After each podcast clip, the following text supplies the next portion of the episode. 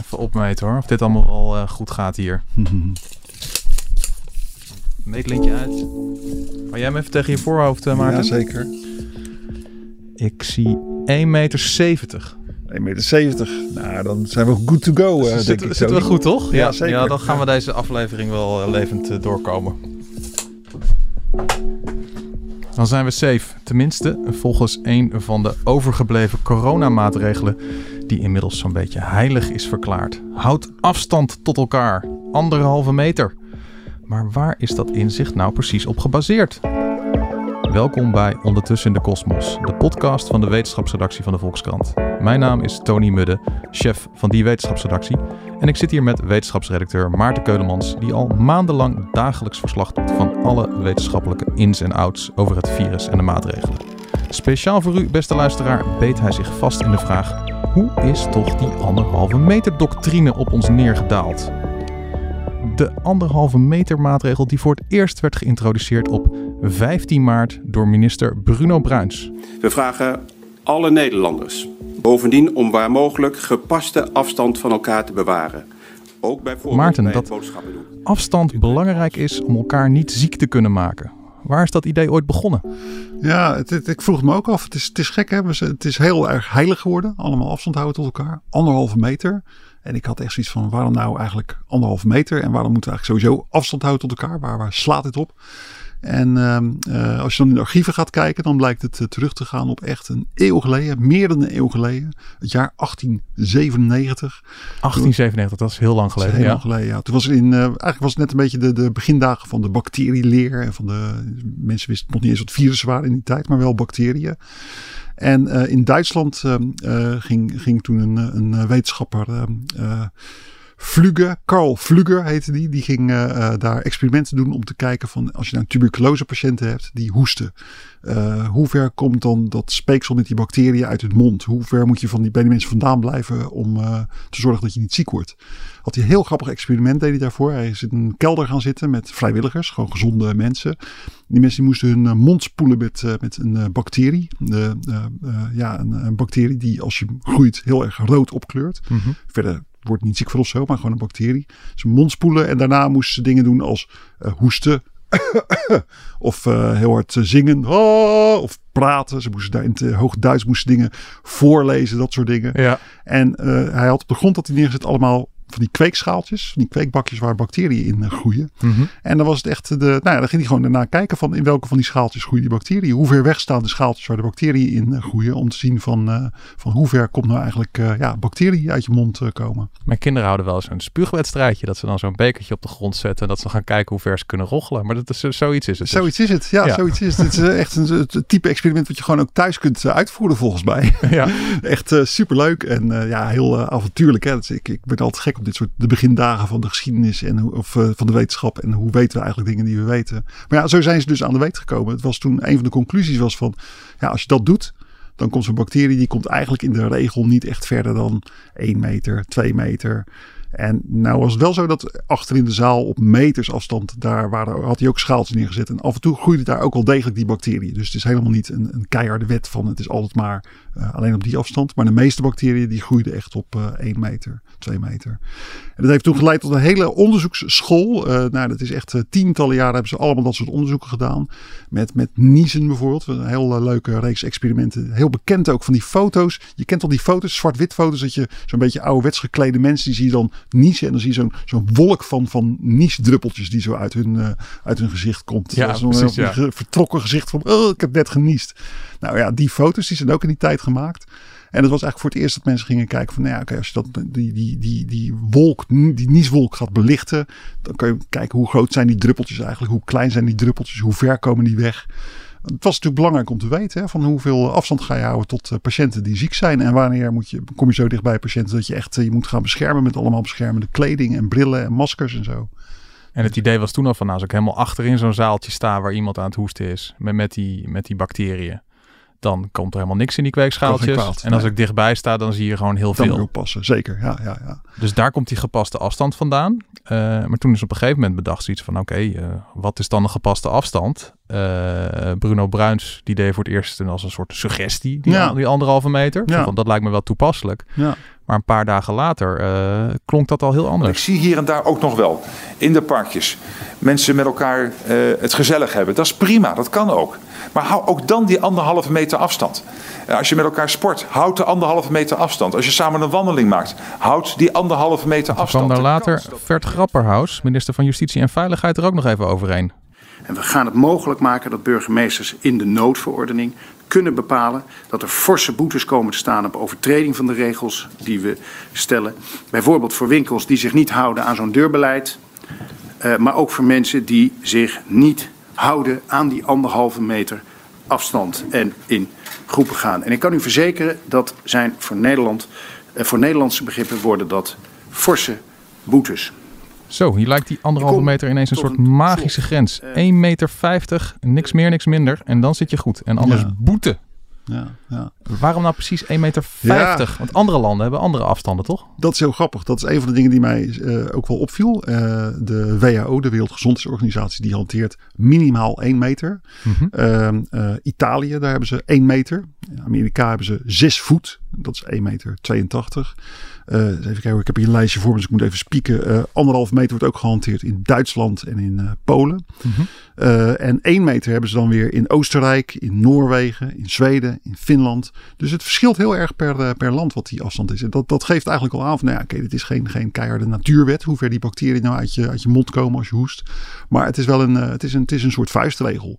En het grappige is, die, die vuistregel die heeft in allerlei landen in lokale richtlijnen heeft hij een eigen eh, ja, weerslag gekregen. Ja. En in Nederland, ik heb gesproken met een, eh, met een meneer die is inmiddels lang weer met, met emeritator. En die, die man die, die was als hoogleraar was hij betrokken bij het ontwikkelen van die richtlijnen.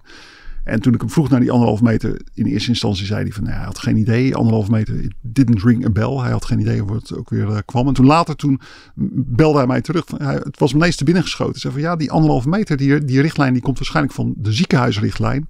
Ja. Dat in, eh, in eh, Nederland mogen bedden in het ziekenhuis, die moeten minimaal anderhalve meter van elkaar afstaan. Want ja, anders dan heb je patiënten die in die bedden liggen, die kunnen elkaar dan gaan, gaan besmetten met, met wat voor ziektes eh, ze ook hebben. Ja, in de praktijk ja, ja. is natuurlijk nu veel meer ruimte tussen die bedden. Tenminste, dat hoop ik. Ja. maar dat is de officiële richtlijn. En waarschijnlijk is die richtlijn is gewoon terechtgekomen in, ja, dat is waarschijnlijk wat je hier terug hoort in dit advies. Heel eh, lollig eigenlijk hoe dat eh, soort dingen ontstaan. En dan zou je denken zo van, nou ja, anderhalve meter, 1 meter, 1 meter 80, wat maakt het uit? Maar ik kan me voorstellen dat als je een, een, een bioscoopzaal of een theater of een café runt en de eis is of 1 meter of 1 meter 80, dat het gewoon ontzettend veel uitmaakt voor hoe- Ja. hoeveel mensen er in je restaurant passen en noem maar op. Ja, zeker. Dat is ook de serieuze kant van de zaak. Want het is natuurlijk ontzettend ontwrichtend als jij een bedrijf probeert te runnen. En mensen moeten op anderhalve meter afstand van elkaar blijven in jouw eh, bedrijf. Je ziet ook in Engeland, daar is echt een rel ontstaan. In Engeland hadden ze twee meter afstand als, eh, maat, als eh, maatregel. En op een gegeven moment is daar wetenschappelijk debat over ontstaan. Ze hebben gezegd van ja, kom op, twee meter, waarom moet dat nou eigenlijk? Ja. Ze hebben nog twee eh, hoogleraren van de Universiteit van Oxford. Die hebben nog een heel vlammend betoog geschreven in, de, de, in, de Telegraph, een Britse krant. Waarin ze zeiden van joh, luister, twee meter of anderhalve meter, dat maakt eigenlijk helemaal niet uit. Eh één meter, dat, het, het gaat om dat je gewoon afstand tot elkaar houdt. Ja. Dus eh, vervolgens is Boris Johnson, die heeft nu besloten om die, eh, die twee meter terug te draaien naar, eh, naar één meter. Het is misschien wel leuk, want ik heb hier ook nog even meegenomen, nou, toch het spieken ben op mijn briefjes. Was, was een, eh, begin vorige maand is een studie geweest in de Lancet. En die hebben gewoon eens gekeken van, nou, op basis van het beschikbare bewijs, wat maakt die afstand nou eigenlijk uit? Mhm. En dan komen ze uit van stel jij hebt corona en ik ga echt op jouw lip staan. Dan heb ik 13% kans om eh, geïnfecteerd te raken. Ja, Ja. oké. Ja. Eh, ook weer afhankelijk van hoe lang ik dat doe trouwens. Maar gewoon een kwartiertje of zo. En dan heb ik 13% kans dat ik het echt wel heb. Ja. Eh, als je dan eh 1 meter afstand gaat staan, dan is het 2,6% eh kans. ja, dat is beduidend minder. Ja. Flink minder. En als je dan op 2 meter gaat staan, is het 1,3% kans. Dus eigenlijk wil het zeggen van nou, op 2 meter heb ik 10 keer minder kans eh, om corona te krijgen. Als ik op eh 1 meter ga staan, heb ik 5 keer minder kans om corona te krijgen. Ja. Dus, maar ja, goed, op die studie kwam ook weer meteen kritiek over. Ja, zo heel precies kun je dat helemaal niet zeggen. Het hangt van veel meer factoren af. Dus het is in ieder geval, weet je, het is een glijdende schaal. Ik heb in een van die, van die reviews die ik heb gelezen. Ik heb eh, van die wetenschappelijke, dat doen wetenschappers. En dan gaan ze op een gegeven moment gaan ze een overzichtsartikel schrijven. Waarin ze gewoon eens al het beschikbare bewijs eh, wegen. Mhm. En het was wel interessant, want in dat artikel stond ook van, van ja, dat die, die afstanden, dat is eigenlijk gebaseerd op een soort neponderscheid. Alsof er iets is van uh, druppelinfectie, zoals ze het dan noemen. Dus, dus echt druppels die je besmetten. En dat er dan een afstand is waar buiten die druppelinfectie niet meer zou plaatsvinden. Maar het is in werkelijkheid is natuurlijk gewoon een glijdende schaal. Het is niet zo dat je één soort druppels uitstoot van, laten we zeggen, 1 mm en dan niks meer. Nee, je hebt druppeltjes, kleinere druppeltjes, nog kleinere druppeltjes. En dat is gewoon een glijdende schaal. En uh, ja, het is inderdaad, dat, dat zag inderdaad, bleek ook uit die allereerste experimenten, bleek het eigenlijk al. Dat helemaal achter in die zaal waar die, uh, die mensen stonden te hoesten en te oreren in het Duits. Dat daar toch ook wel die bacteriën groeiden. Ja. Dus maar, een, maar veel minder dan wanneer je dichtbij zou Veel minder. Het is, het is een glijdende schaal. En eigenlijk is gewoon, als je het gewoon een beetje simpel van een afstandje bekijkt, dan moet je gewoon zeggen: ja, hoe dichterbij je, uh, bij een coronapatiënt je gaat staan, hoe gevaarlijker het is. Ja. Nou ja, jij en ik hadden het ook kunnen bedenken. Ja, precies. Zo vanaf een kilometertje zal er niet zoveel gebeuren. Nee, precies, maar, ja. precies, ja, precies. En uh, maakt het nog uit of ik buiten of binnen ben? Dat maakt zeker heel veel uit. Ja, dat is ook een van de kritieken die op die afstand is gekomen. In Engeland in ieder geval bleek dat ook al tijdens die discussie. Daar zeiden die, die twee kritische Oxford hoogleraren, die schreven ook van ja, luister, we zitten nou wel echt over die afstand moeilijk te doen. Maar, maar ja, afstand, je, je slaat echt een heel complex van factoren. Sla je eigenlijk plat tot één ding, namelijk afstand, tot één getal. Maar het hangt van veel meer af. Het begint er al mee van, ja, uh, hoeveel virussen scheid jij eigenlijk af als jij uh, corona hebt? Ja. Misschien ben je wel toevallig iemand die door jouw genetische samenstelling veel minder virus uithoest. Je hebt mensen die vochtiger praten bijvoorbeeld. En mensen die gewoon meer hoesten als ze ziek zijn dan andere mensen.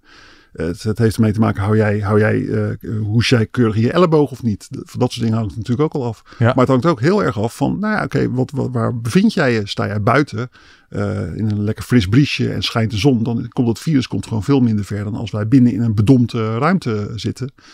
Uh, het hangt af van de temperatuur, het hangt af van de luchtvochtigheid. Het hangt van duizend dingen hangt het, hangt het eigenlijk af. En toch gaan wij alleen maar naar die afstand kijken. En temperatuur en luchtvochtigheid, dat, is het dan hoe warmer en vochtiger, hoe ja, nou ja, dat is ook weer een hele wetenschapstak apart, eh, kan ik je zeggen. Want je hebt dan het effect van hoe droger het is, uh, des te meer druppeltjes indampen. Mm. En als druppels indampen, dan kunnen ze verder vliegen. Maar ja, als druppels indampen, dan is het ook weer niet goed voor het virus wat erin zit. Want dat virus, dat vliegt heel snel zijn... Ja, je kent die coronavirus, die, van die pootjes, hè. Ja. Die pootjes, die vallen er heel snel af. Uh, de, hoe koeler het is, nou ja, dat is een van die verklaringen van die, uh, die uitbraak in de slachterijen. Van zeggen ze, ja, het is daar zo koel. Cool. Uh, misschien heeft het daar wel mee te maken dat het virus gewoon langer goed blijft als het koeler is. Mm -hmm. UV-straling maakt uit, dus als de zon erop schijnt, dan vallen ook die pootjes er weer sneller af. En dan gaat het virus sneller stuk. Dus het is, het is wel grappig hoor. Dit is, echt, nou ja, dit is dus echt zo'n zo'n zo'n probleem waar wetenschappers echt, echt boekenkasten vol over hebben geschreven. Ja. en uh, ja, nou ja, het is, uh, je raakt er echt de weg in kwijt als je daarin gaat, uh, gaat zoeken. Echt heel grappig. Tegelijkertijd kan ik me ook voorstellen dat als je daar allemaal rekening mee gaat houden. Zo van, nou, dit is een, een terras op het strand met lekker veel wind.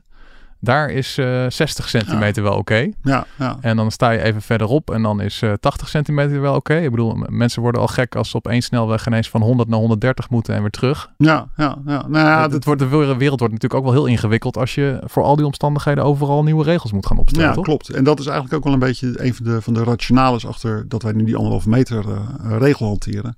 De wetenschappers die ik erover sprak, ik heb echt een rondje gebeld door allemaal mensen van die in het OMT zitten, het Outbreak Management Team, maar ook gewoon mensen die niks mee te maken hebben. En die zeggen eigenlijk allemaal in verschillende toonaarden van ja, weet je, die, die regel is gewoon eigenlijk ook een manier om gewoon te, te, te beseffen van uh, ja, uh, als dit virus rondgaat, moet je niet op elkaars lip gaan staan. Ja. En laat het een meter zijn, laat het anderhalve meter zijn, laat het twee meter zijn. Maar het gevolg van deze maatregel is dat iedereen zich er bewuster van is. Niet op elkaars lip gaan staan. En dat, dat je ook van elkaar afblijft. Dat je niet in de verleiding komt om elkaar te gaan knuffelen en uh, schouders te slaan. En uh, door, je, door je haren te gaan kroelen en allemaal dat soort en handen geven en zo. Dat, dat zit allemaal in het pakket erbij, weet je wel, door dat afstand houden. Ja, dus ja, dat afstand houden is een soort, soort symboolwerking. Er is nog iets raars met die anderhalve meter aan de hand. Want een van de dingen die ik me ook afvroeg van, weet je, ja, dit is een maatregel die alles werd genomen voor patiënten. Dus uh, ja. ja. mensen met griep, daar moet je afstand tot, tot houden. Was in 2009 nog het officiële advies toen die uh, Mexicaanse griep uh, de wereld overging. Was ook in Nederland kregen we dat te horen. Mm -hmm. Dus ik vond een richtlijn over patiënten met taaislijmziekte, cystic fibrosis. Die moeten ook af, iets van anderhalf meter afstand tot elkaar houden. Dus altijd gaat het dan om patiënten. Ja, terwijl nu moeten ook allemaal gezonde mensen gekke. afstand tot elkaar houden. Precies, ja. ook hele, wij zitten hier nu ook, terwijl wij waarschijnlijk allebei geen corona hebben. Hoop ik. Hoop het ook. ja. Zitten wij toch op 1,72 meter van elkaar verwijderd. Ja. Uh, ja, dat heeft ermee te maken. Uh, begin maart werd er een ontdekking gedaan. Toen bleek ineens in Nederland, uh, bleek van verrek, ehm, het virus is onder ons. Het gaat, het, gaat, het gaat rond zonder dat mensen het echt doorhebben. Het wordt kennelijk doorgegeven door mensen die zelf helemaal niet zo heel ziek ervan zijn. Ja. Vroeger was het zo met SARS, de voorloper van dit virus. Daar werden mensen heel ziek van. En dan waren ze pas besmettelijk. Dus daar was de volgorde eigenlijk van: oh, je wordt op een gegeven moment ziek, je ligt in het ziekenhuis, je bent dat kuchen en het hoesten. En dan ben je besmettelijk. En dan heb je dus echt een patiënt die heel zichtbaar is van, oh ja, dit is een patiënt die... Dan blijven mensen van nature ook op afstand, toch? Bedoel, als je iemand Ja, ziet die hartstikke ziek is, dan denk je, oké, ik blijf wel even uit de Ja, maar dan kan je Ja. echt zeggen in het ziekenhuis van, oh, we hebben nu een SARS-patiënt hier liggen, dus eh, jongens, afstand houden. Maar met deze ziekte bleek het dus zo te zijn dat je eh, al heel vroeg in het ziekteproces maak je heel veel virus aan. Dus echt, het, je kent het wel, die fase voordat je echt ziek wordt, dat je een beetje loopt te kuchen en te niezen. En eh, drie keer per dag nies je misschien. Stelt verder helemaal niet zoveel voor. Maar dat is bij deze ziekte al het moment dat je echt dat virus heel erg doorgeeft. Ja. Op het moment dat ze dat beseften, eh, is, eh, is de WHO is dat ook gaan zeggen, maar ook in Nederland zijn ze toen gaan zeggen van ja, wacht eventjes. dat betekent dat eigenlijk iedereen verdacht is. Dus iedereen moet gewoon afstand tot elkaar houden. Mhm. En zo zie je eigenlijk dat die, dat die ziekenhuismaatregel, want dat is het uiteindelijk, dat die gewoon voor de buitenwereld is gaan, gaan gelden. Dus ja, als je weer eens eh, op anderhalve meter afstand van elkaar staat, eh, goed om eens over na te denken. Dit is eigenlijk een afstand die tussen bedden moet worden gehouden in het ziekenhuis. Dit is een afstand die te maken heeft met taaislijmziektepatiënten, grieppatiënten. En eh, ja, nu staan wij gewoon op straat ook deze afstand te houden. Raar. Het is wel raar, ja. Ja. En, en dan, we hebben het gehad over hè, die, die, die, die druppeltjes, die dan, die hoes je uit en die landen dan binnen een meter of binnen anderhalve meter. Eh, maar dan die, die, die kleine deeltjes, die, Ja. die, die aerosolen. Ja, Eh, nou ja, dat ken je ook wel als je gewoon met de plantenspuit eh, in- op de nevelstand zet. ja. Die blijven langer in de lucht hangen dan wanneer je met een waterspistooltje met, een, met zo'n straal eh, ja gaat. klopt. Ja, Die, die, die aerosolen die in de lucht blijven hangen. ja. Eh, als dat een grote rol speelt, dan helpt die anderhalve meter niet heel veel, toch? Nee, Want dan nee. zou ik hier een wolk kunnen uitademen en dan komt hier vijf minuten later iemand binnen en die ademt dat weer in. ja klopt. Daar is, daar is behoorlijk debat over. Mhm. Eh, het is in ieder geval zo van die, die aerosolen. Nou ja, het begint er al mee. Die druppels, die zijn groter. En daar past veel meer virus in. Je moet denken, het volume van zo'n druppel is tot de macht 3. staat het in verhouding tot, de, tot het volume. Dus Ja. dat wil zeggen, als je een druppel hebt die, die twee keer zo groot is, dan past daar twee keer twee keer twee zoveel virus in. Ja. Dus die hele kleine druppeltjes, daar past gewoon twee keer twee keer twee minder virus in. ja, ja, ja. Dus het wil zeggen dat die kleine druppeltjes, ja, hoe gevaarlijk zijn die nou eigenlijk? Hoeveel virus zit daarin? Eh, is dat nou is dat genoeg virus om echt ziek van te worden? Dat is eigenlijk al de eerste vraag die, eh, die daar speelt. Ja. En ehm, eh, wat, wat wel echt heel duidelijk is, is van ja, er zijn gewoon activiteiten waarbij aerosolen ontstaan. Dat kan in het ziekenhuis als je een patiënt intubeert. Dus als je zo'n lucht, zo'n zo'n beademingsapparaat in zijn keel duwt, daar- komt vaak komen kleine belletjes, kleine, kleine druppeltjes bij, bij Mhm. vrij. Waarschijnlijk gebeurt het ook als je zingt. Dat zou best wel eens kunnen verklaren waarom al die, al die zangkoren eh, zo, eh, zo eh, ziek zijn geworden. Ja.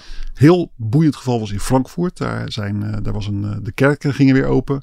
En toen is de baptistische gemeenschap, die gingen naar de kerk. Nou, helemaal met alle voorzorgsmaatregelen, mondkapje op. Ze gingen afstand houden van elkaar. Ze gingen hun handen wassen bij de deur. Keurig op afstand van elkaar gingen ze in de kerk zitten. ja, klinkt netjes. Anderhalf meter. En wat deden ze toen? Toen zetten ze hun mondkapje af. Toen gingen ze zingen. Oh, dus ze gingen er wel die mondkapjes weer af toen, toen ze gingen zingen. Oké, Toen ja. waren er gelijk, eh, toen daarna moesten ze toegeven, toen waren er meer dan 100 eh, mensen waren besmet met het virus. ja. Dus dat is eigenlijk best wel een aanwijzing. Door één die anderhalve meter.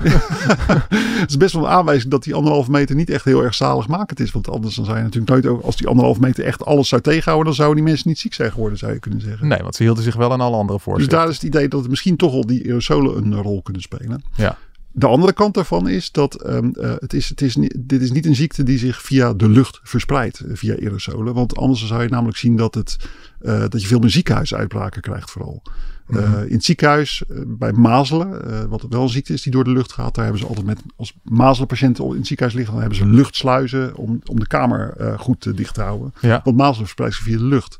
Nou, al vrij snel is aan het licht gekomen dat met dit nieuwe virus hoef je niet die luchtsluizen aan te leggen. Het is niet zo dat als jij in een kamer ligt en jij hebt, je hebt toevallig eh, het coronavirus, dat dan twee kamers verderop de mensen ziek worden. En dat zie je met mazelen wel. ja. Dus dat is een heel sterke aanwijzing dat het zich niet in de regel via aerosolen verspreidt. En hoe zat het dan met die cruiseschepen? Daar werden toch ook heel veel mensen ziek? Ja. En er was ook een, een hypothese van, nou ja, dat, dan zal dat wel zo via die airconditioning zo eh, al die kamers in zijn Ja, gegaan. ja, nou ja, en tot ze het dus wat beter gingen bekijken. En toen bleek dus dat dat helemaal niet klopte. Als je dan gewoon die kamers op de kaart tekent en je tekent hoe de route van de airconditioning loopt, dan bleek het niet goed te kloppen. Dus het virus ging de andere Oh, kant ja. op dan. eh, het verspreidde zich anders dan via via de airconditioning. Uh, en uh, waarschijnlijk is het daar gewoon gegaan, vooral via contactoppervlakken is nu het, uh, het idee. Al die patiënten, ze waren daar heel onhandig bezig op dat cruiseschip. Uh, ja, de roomservice ging gewoon door. Dus er kwamen allemaal mensen die kwamen binnenlopen met karretjes met eten en zo. En die gingen dan gewoon weer naar de volgende kamer.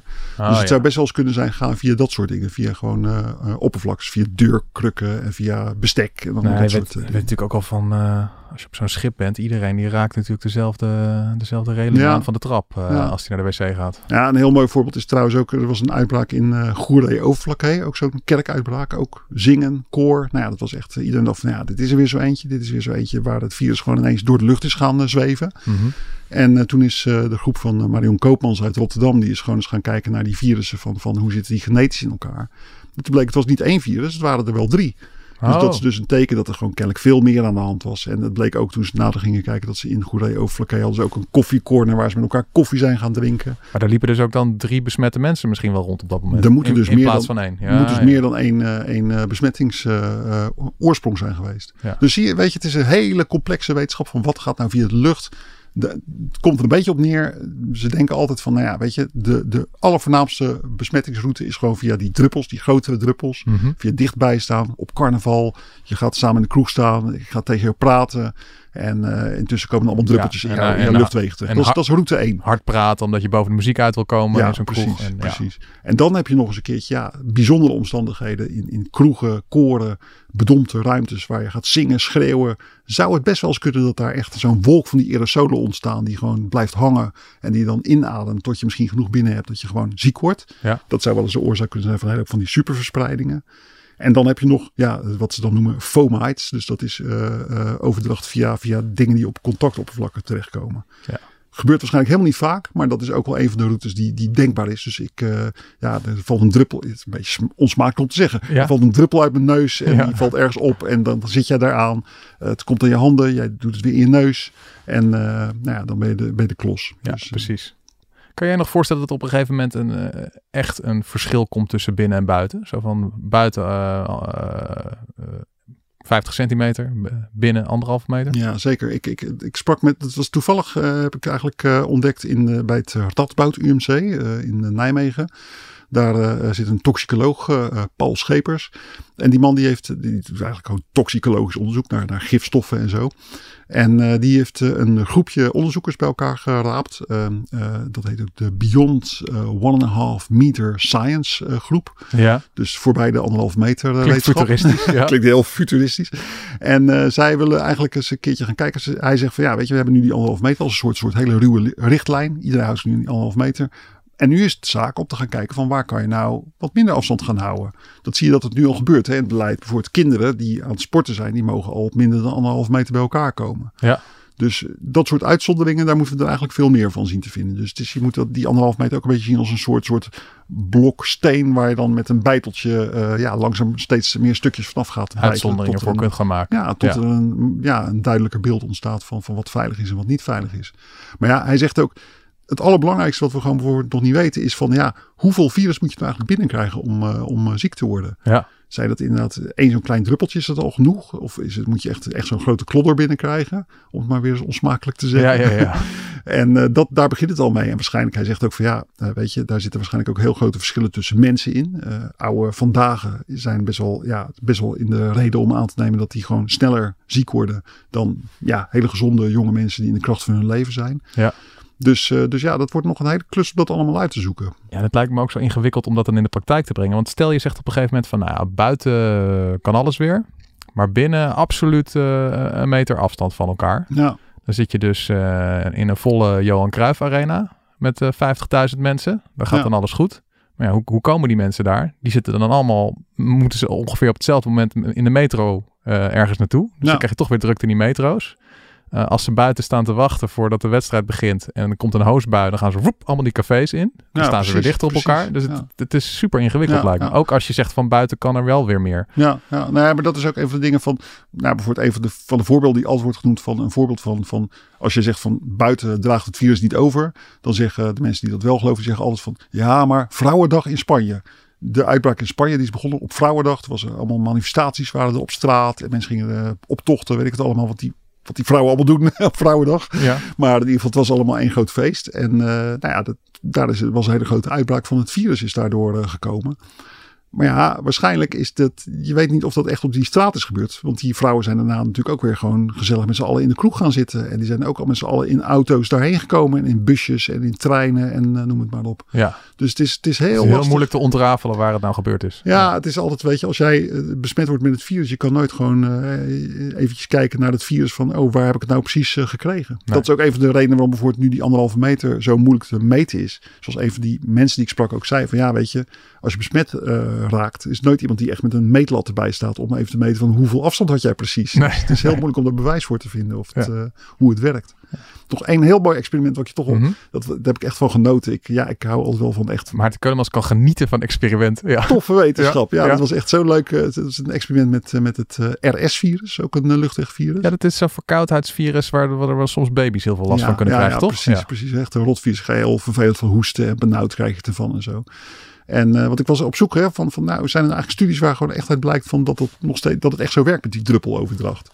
En er was dus één uh, studie in Amerika, hebben ze uh, 31 vrijwilligers hebben ze op een afdeling gezet met een paar van die babytjes met RS. Mhm. En nou, die, die, die dappere vrijwilligers die werden in twee groepen verdeeld. Eén groep die mocht, uh, met de, moest met de baby's gaan spelen. Dus die moesten die baby's aanraken en knuffelen, luiers verschonen, allemaal dat soort uh, dingen. Ja. En de andere groep die ging gewoon in de, in de, ja, aan, aan de rand van de kamer op een stoeltje zitten.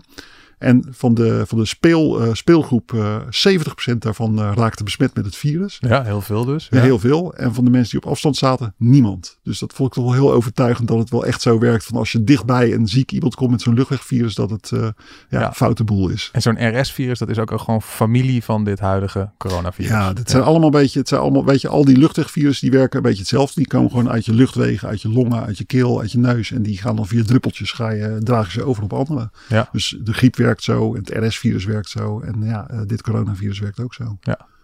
En uh, tot slot, ik, uh, ik kijk nog even op het corona-dashboard van de overheid. Oh, wow. Je, je kent hem wel. ja, dan zeker. heb je allemaal van die metertjes en dan kan je zien hoe het met het virus gaat. En de stand van zaken is nu, even kijken hoor. Schatten dat in heel Nederland 2800 mensen besmet zijn.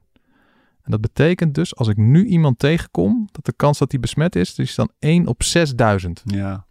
Ja, ja, en precies. toch zitten we er 1 op 6000. En toch zitten we allemaal anderhalve meter afstand van elkaar ja, te maar ja, dat is ook dus heel veel weerstand ook tegen die anderhalve meter. En ik snap het ook wel. Ja, het virus is bijna weg. En dan staan wij hier allemaal een beetje raar te doen. Ja. Is toch, uh, terwijl de kans 1 op 6000 is dat jij het hebt. Ja. Dat is waarschijnlijk nog minder. Want als jij, uh, als jij ziek bent en als je het virus hebt, dan word je geacht om natuurlijk gewoon thuis te blijven met, uh, met jouw symptomen. Ja. En te laten testen. Dus ja, dat is het ongemakkelijke van deze regel. Dat je gewoon toch. Maar ja, dan denk ik toch maar weer aan wat, die, wat de, de mensen zeggen van uh, die, die het standpunt aanhangen van. Het helpt je herinneren dat wat aan de hand is. Het houdt je alert, het houdt je scherp. Ja. Voorkomt dat je handen aan elkaar geeft.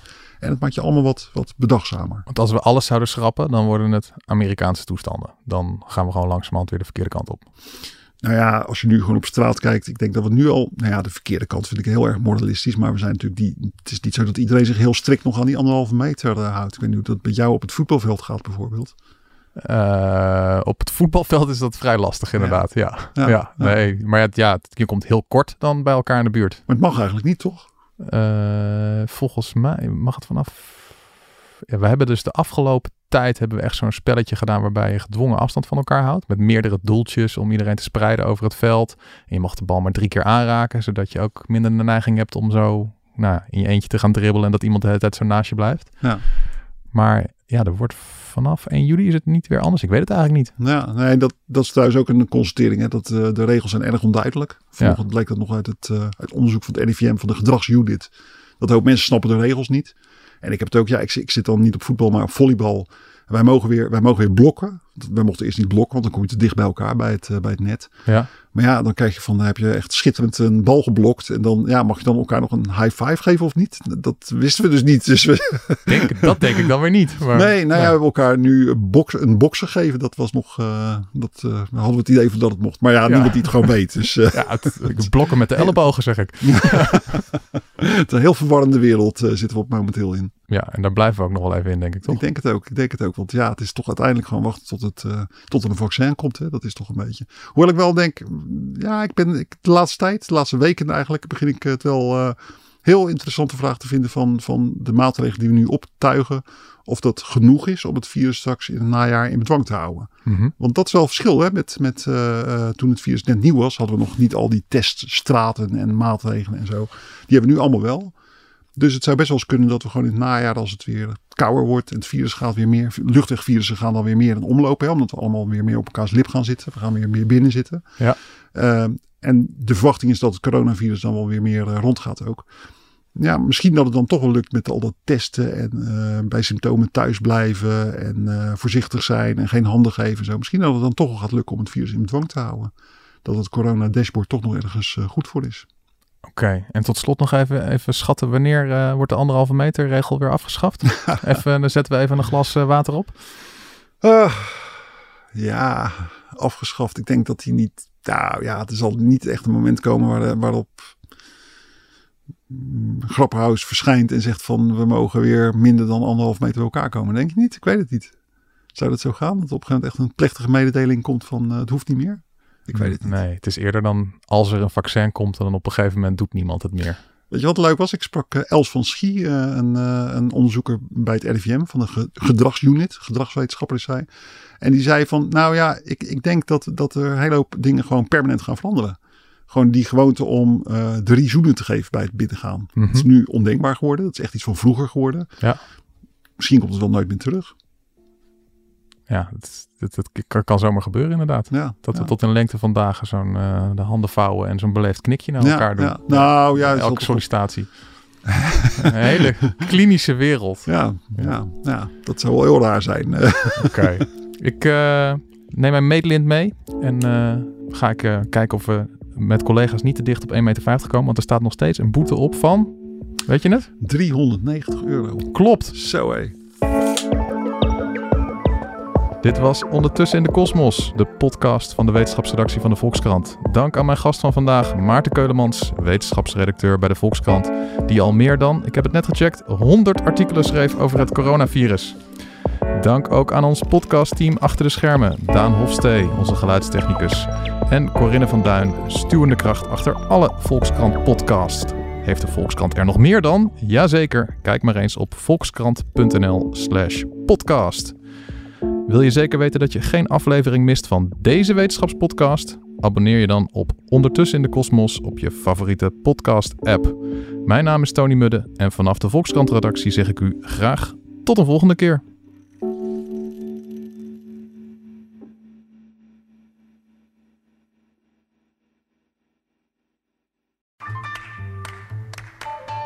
Ik lees de Volkskrant omdat kennis van zaken hebben mij geruststelt. En ik mij daardoor sterker in mijn schoenen voel staan. Eigenlijk zou iedereen de Volkskrant moeten lezen. Gun jezelf ook de Volkskrant. Ga meteen naar volkskrant.nl slash nu. En lees de krant tot wel acht weken voor maar 4 euro. Stopt vanzelf volgens de actievoorwaarden.